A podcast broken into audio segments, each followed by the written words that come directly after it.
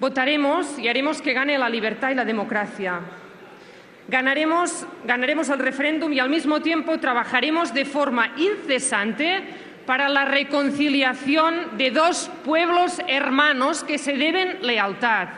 Porque este camino es un camino de dignidad para el pueblo de Cataluña, cierto y tanto, pero en ningún caso, en ningún caso, es un proceso en contra del pueblo español al que amamos y al que respetamos profundamente.